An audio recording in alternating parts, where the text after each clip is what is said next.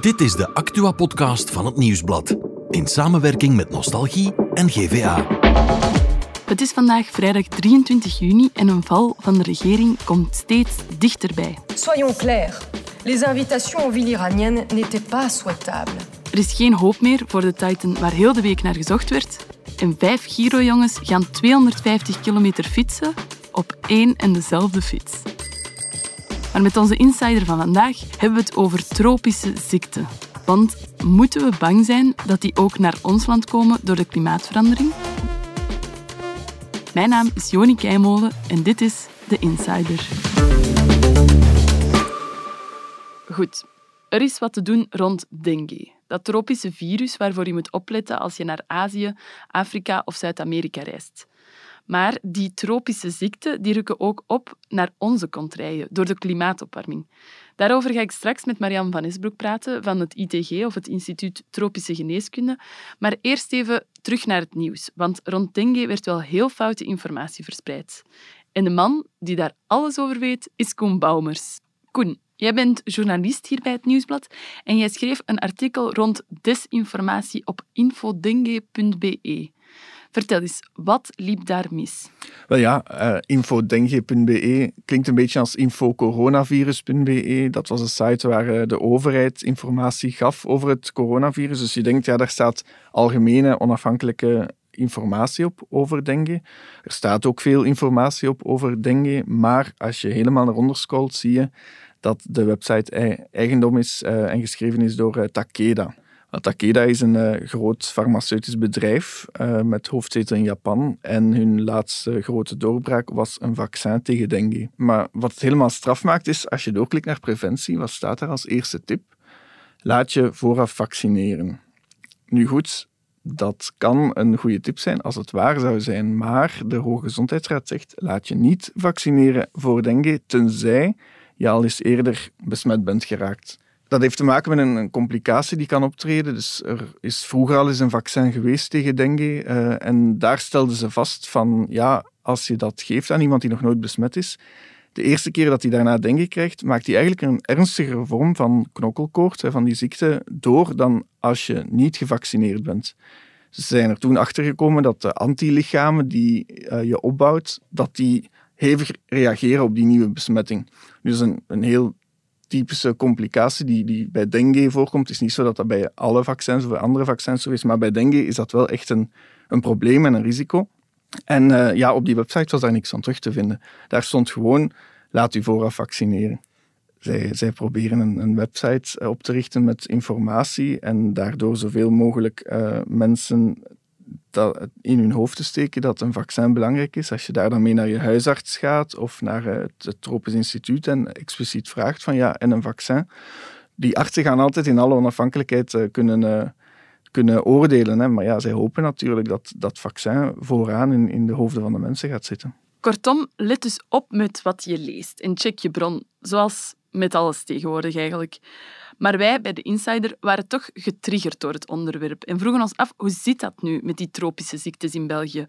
Wordt dat echt een gevaar? En is elke mug die mijn kamer binnenvliegt dan ook mogelijk drager van gele koorts, malaria of nog iets anders?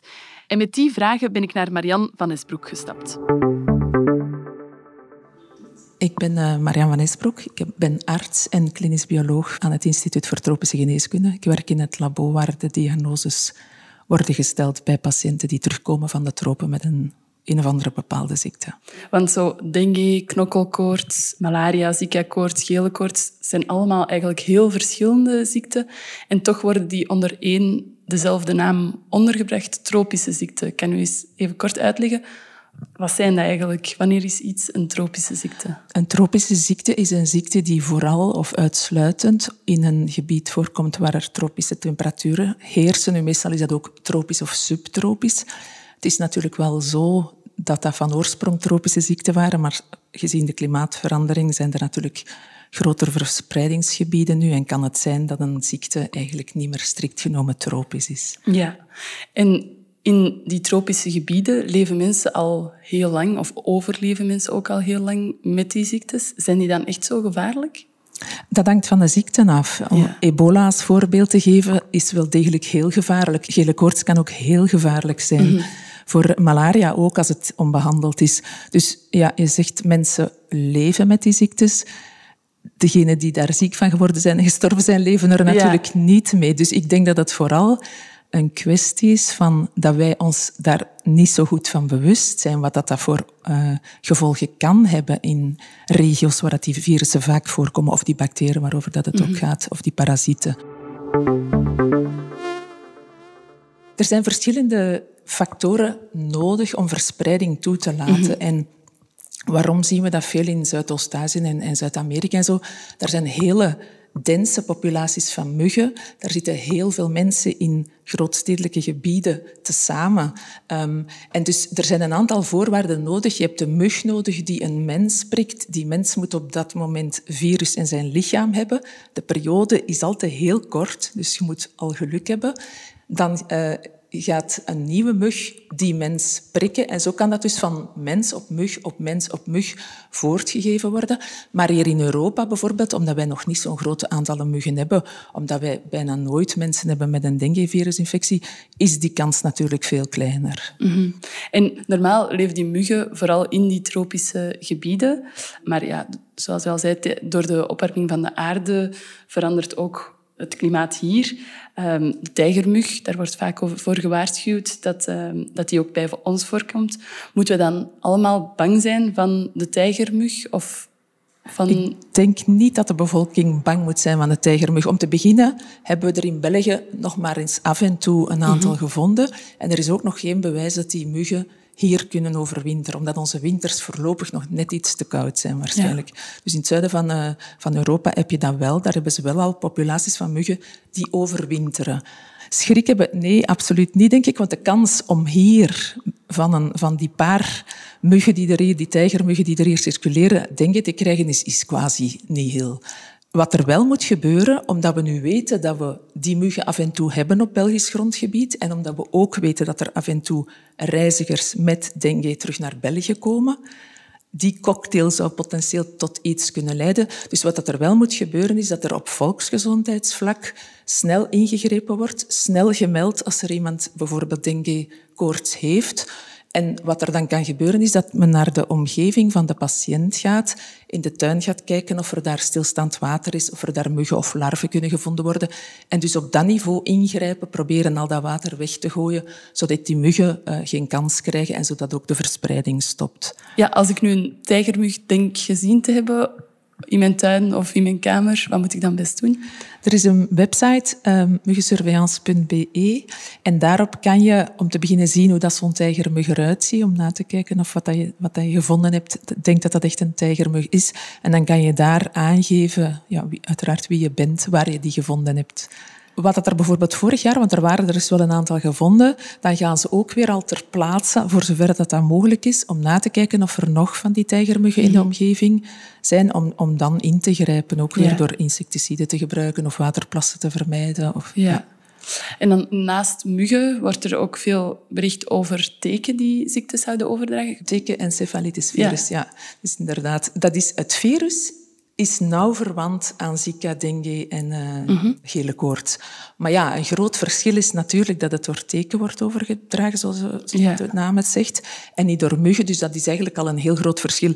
Dat is nu ook echt niet iets wat ik een tropische ziekte zou noemen, want die komt veel meer zo Oost-Europa, uh, Rusland en zo. Een, Scandinavië. ja, ja. Uh, inderdaad. Maar ook daar, en ook door de klimaatopwarming, zien we wel dat het teken en het virus zich over een groter gebied gaat verspreiden. Dus dat mhm. neemt ook wel toe. En bijvoorbeeld in Zuid-Duitsland hebben ze sinds een aantal jaren veel meer gevallen gezien. En wij hebben zelf in 2020, eh, in volle coronatijd, bij ons drie gevallen van tekenencefalitis gediagnosticeerd. En dat waren mensen die, omdat ja, de grenzen waren gesloten, dus we mhm. wisten zeker als ze niet in het buitenland konden geweest zijn. En dan hebben wij dus drie gevallen gediagnosticeerd van mensen die zich besmet hebben op Belgisch grondgebied. Nu, we zijn nadien teken gaan vangen. We hebben geprobeerd van dat virus aan te tonen in een teken, maar dat is tot nu toe niet gelukt. Zoals iedereen weet, hebben we ook de coronapandemie gehad. Hoe wordt zo'n virus ook ineens een epidemie of nog erger een pandemie? Ja, wel. dat kan alle tijd, dat hebben we gezien. Dat was ook met de Spaanse griep zo. We mhm. waren eigenlijk al lang aan het wachten van wat gaat de volgende pandemie worden. Het is dan uiteindelijk een coronavirus geweest. Een groot verschil met de tropische virussen en de malaria waar we het, en ebola waar we het er juist over hadden, is dat het coronavirus zich kon verspreiden via druppeltjes in de lucht. Mhm. Dus het is niet moeilijk om te bedenken dat in zo'n geval op de bus zitten samen met een patiënt ja. ziek kan maken, terwijl dat, dat helemaal niet het geval is voor al die tropische virussen, malaria. En, uh, want daar heb je altijd die vector, een teek of een mug, nodig om van één mens naar een andere mens ja, over te dragen. En moeten we nu al iets doen om onszelf tegen die muggen dan te beschermen? Ik denk dat we dat eigenlijk sowieso doen, want muggen zijn vervelend. En die tijgermug is nog vervelender dan de gewone mug. Dus het kan zeker niet, geen kwaad om onder een, eh, een eh, muggennet of een klamboe te slapen. Uh, nu, dat helpt alleen voor, voor sommige muggen, want bijvoorbeeld de, de tijgermug die steekt overdag of bij valavond, dus daar helpt dat niet voor u insmeren met uh, producten tegen muggen. Maar ik denk, ja, ik denk dat we dat allemaal doen. Want niemand heeft graag, als hem aan barbecuen is, dat hem gestoken wordt door muggen. En vaccineren, heeft dat al zin? Voor het tekenencefalitisvirus gaat dat. En dat wordt inderdaad aangeraden voor mensen die naar, naar gebieden gaan waar dat er veel, uh, allez, veel van dat virus rondwaart. Voor België, ook al hebben we nu drie gevallen gedetecteerd in België, dat zijn er zo weinig dat dat in België voor onze eigen wandelaars in onze eigen natuur niet aangeraden wordt. Zelfs mhm. niet voor boswachters die een grotere uh, blootstelling hebben dan, dan een gewone wandelaar. Ja. Oké, dus we moeten ons geen grote zorgen Wel, maken. Zoals u weet, die, diezelfde teken die het teken encefalitisvirus overdragen, die dragen ook de bacterie over die verantwoordelijk is voor de ziekte mhm. van Lyme. Dat is ook iets dat je liever niet hebt. Dus het, het, verschil met Lyme is wel, bij Lyme heb je 24 uur om die teek te verwijderen van je lichaam. Bij teken-encefalitisvirus is dat niet het geval. Dat kan zijn dat van zodra die teek zich vasthecht aan u, dat die het virus heeft overgedragen. Maar dus uw lichaam nakijken op teken nadat je gewandeld hebt, is sowieso een goed idee. Ja, en dat geldt dan ook voor jezelf beschermen tegen muggen? Ja, absoluut. Oké, dank u wel. Ik onthoud vooral echt bang moeten we op dit moment nog niet zijn. Maar ons beschermen tegen muggen en teken, dat is nooit een slecht idee. Heb je nu als luisteraar nog vragen of wil je meer informatie over gezond op reis gaan aan de hand van bestemmingen, trefwoorden over vaccinatie? Dan kan je terecht op www.wanda.be. Dat is de website van het Instituut voor Tropische Geneeskunde en dus niet van een vaccinproducent met commerciële belangen. Als je meer wil weten over beleggen, kan je dat vragen aan de voetbaltrainer van je zoon. Je moet op de beurs spelen zoals op het veld. Hè? Direct vol in een aanval. Mijn tactiek, dat is een 4-4-3. Vier aandelen, vier obligaties en drie kasbons. En wie niet presteert, ja, die wordt direct gewisseld, hè? Ah ja! Je kan er dus maar beter over praten met de experten van KBC. Via Kate en KBC Mobile, via KBC Live of gewoon op kantoor. Jouw leven, jouw plannen, jouw belegging. KBC. Beweegt met je mee. We gaan nog over naar het andere nieuws van vandaag. En daarvoor gaan we naar Bavo. Dag Bavo. Hey Joni. De regering zou elk moment kunnen vallen. Maar hoe is het zover kunnen komen? Wel, het gaat nog altijd over dat gecontesteerde bezoek van de burgemeester van Teheran mhm. aan Brussel. Nu, Brussels staatssecretaris Pascal Smet van Vooruit heeft er al ontslag voor genomen, omdat er zoveel kritiek gekomen is op dat bezoek. Maar nu, daarna is uh, onmiddellijk ook uh, minister van Buitenlandse Zaken Labib in het vizier gekomen, uh, en zelfs premier De Croo. En nu verwachten Vooruit en PS dat Labib zich excuseert voor haar rol in het uitreiken van die visa aan die mensen uit Iran. Ja, want zij heeft een even groot aandeel in bezoek als Pascal Smit. Maar daar lijkt het in elk geval op. Het zit helemaal in een gridlock, omdat er geen excuses komen. Of, mhm. of, ze wil geen excuses aanbieden, omdat ze niet mag van haar voorzitter Georges-Louis Boucher. Oké. Dus dat zit daar helemaal vast en het gaat moeilijk zijn om eruit te geraken. Oké, benieuwd wat dat nog gaat geven. En dan is er ook nog slecht nieuws over de Titan, die boot waar heel de week naar gezocht is. Vertel eens. Wel, Joni, we wisten dat gistermiddag rond 1 uur uh, s middags de zuurstof zou op zijn in, in dat duikbootje. Maar het is ondertussen duidelijk geworden dat de reizigers het niet overleefd hebben. Mhm. het, uh, het bootje zou geïmplodeerd zijn door de hoge druk op die grote diepte. Kort na de verdwijning heeft het netwerk van onderwatersensoren van de Amerikaanse uh, marine ook een geluid gehoord dat had kunnen wijzen op die implosie. Dus alle hoop is verloren en die vijf inzittenden uh, hebben hun duikboottrip naar het wrak van de Titanic niet overleefd. Oké, heel veel sterkte aan de nabestaanden. En dan zijn er vijf jongens uit Sint-Amansberg die wel op een heel speciale manier geld inzamelen voor het goede doel. Ja, dat klopt. Um, het gaat over Giro Oude Bareel uit Sint-Amansberg. En ze vertrekken op kamp, dat is 250 kilometer fietsen. Ja. Ze doen dat voor het goede doel. Het geld gaat naar de zelfmoordlijn, omdat er een oud-leider uit het leven is gestapt. Daar willen ze geld voor uh, ophalen, maar ze doen dat op een heel speciale manier. Ze fietsen niet alleen die hele afstand, maar ze doen dat op een tandem met vijf man. Een tandem met vijf. En heet dat dan nog altijd een tandem? Nee, dat heet een quindem, blijkbaar. Oké, interessant. Uh, ze vertrekken dus naar Luxemburg met een, een fiets die ze gevonden hebben op tweedehands.be. Ja. En daar laten ze zich voor sponsoren. Oké, heel mooi. Bedankt, Bavo. En maandag zijn we weer met een nieuwe Insider.